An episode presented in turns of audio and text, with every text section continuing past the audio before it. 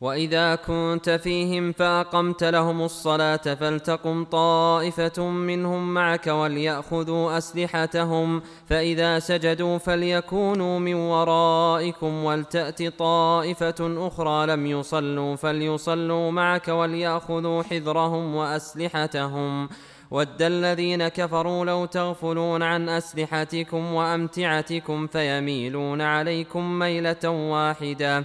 ولا جناح عليكم إن كان بكم أذى من مطر أو كنتم مرضى أن تضعوا أسلحتكم وخذوا حذركم. إن الله أعد للكافرين عذابا مهينا. هذه الآية فيها بيان حكم صلاة الخوف.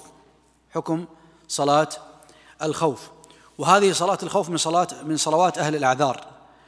وشرعها الله عز وجل في هذه الآية ولها صفات ذكر العلماء عدد من صفاتها لكن الصفة المذكورة في هذه الآية هي أن يقوم ويصلي الإمام بصف ويكون هذا الصف خلفه ويصلي بهم الركعة الأولى ثم يقوم إلى الركعة الثانية ويبقى قائما ويكملون صلاتهم ويسلمون ويذهبون. ثم يأتي الآخرون ويصلون مع الإمام الركعة الثانية ثم إذا جلس للتشهد ياتون هم بالركعة الثانية لهم ويجلسون مع مع الإمام آه، التشهد ثم يسلمون مع الإمام. هذه الصفة المذكورة في السنة هي الموافقة آه، لهذه الآية وصفات أخرى موجودة في آه، السنة يمكن الرجوع لها. وإذا كنت فيهم الخطاب للنبي عليه الصلاة والسلام وهو عام لكل من أتى بعده من الأئمة ولا يقتصر فيه على النبي عليه الصلاة والسلام وشذ بعض العلماء وقالوا إن لا تجوز صلاة الخوف بعد النبي صلى الله عليه وسلم وهذا غير صحيح. فإذا قضيتم الصلاة فاذكروا الله قياما وقعودا وعلى جنوبكم فإذا اطمأننتم فأقيموا الصلاة. إن الصلاة كانت على المؤمنين كتابا موقوتا. هذه الآية فيها بيان أولا فضل الذكر والحث عليه بعد أداء الصلاة قال جل وعلا فإذا قضيتم الصلاة فاذكروا الله قياما وقعودا وعلى جنوبكم.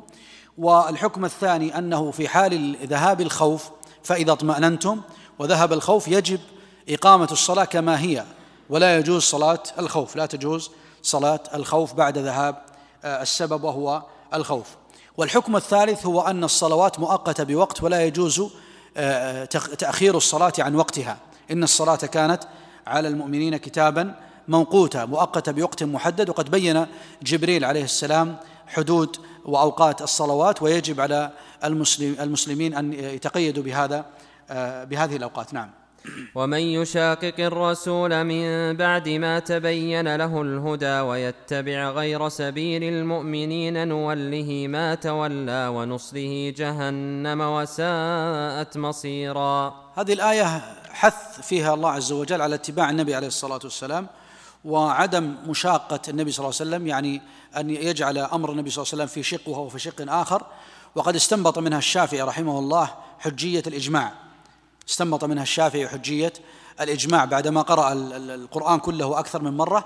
ثم آه، وجد لأنه جاءه رجل وقال من أين تأتي بالإجماع؟ فاستغرق آه، القرآن استعرضه كله وخرج بهذه الآية التي تدل على آه، حجية الإجماع.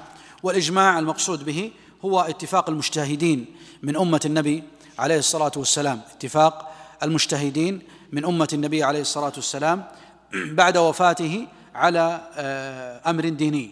بعد وفاته على أمر ديني. يعني يجتمع العلماء ويتداولون مسألة من المسائل ويخرجون بحكم واحد فهذا يسمى إجماعا عند العلماء.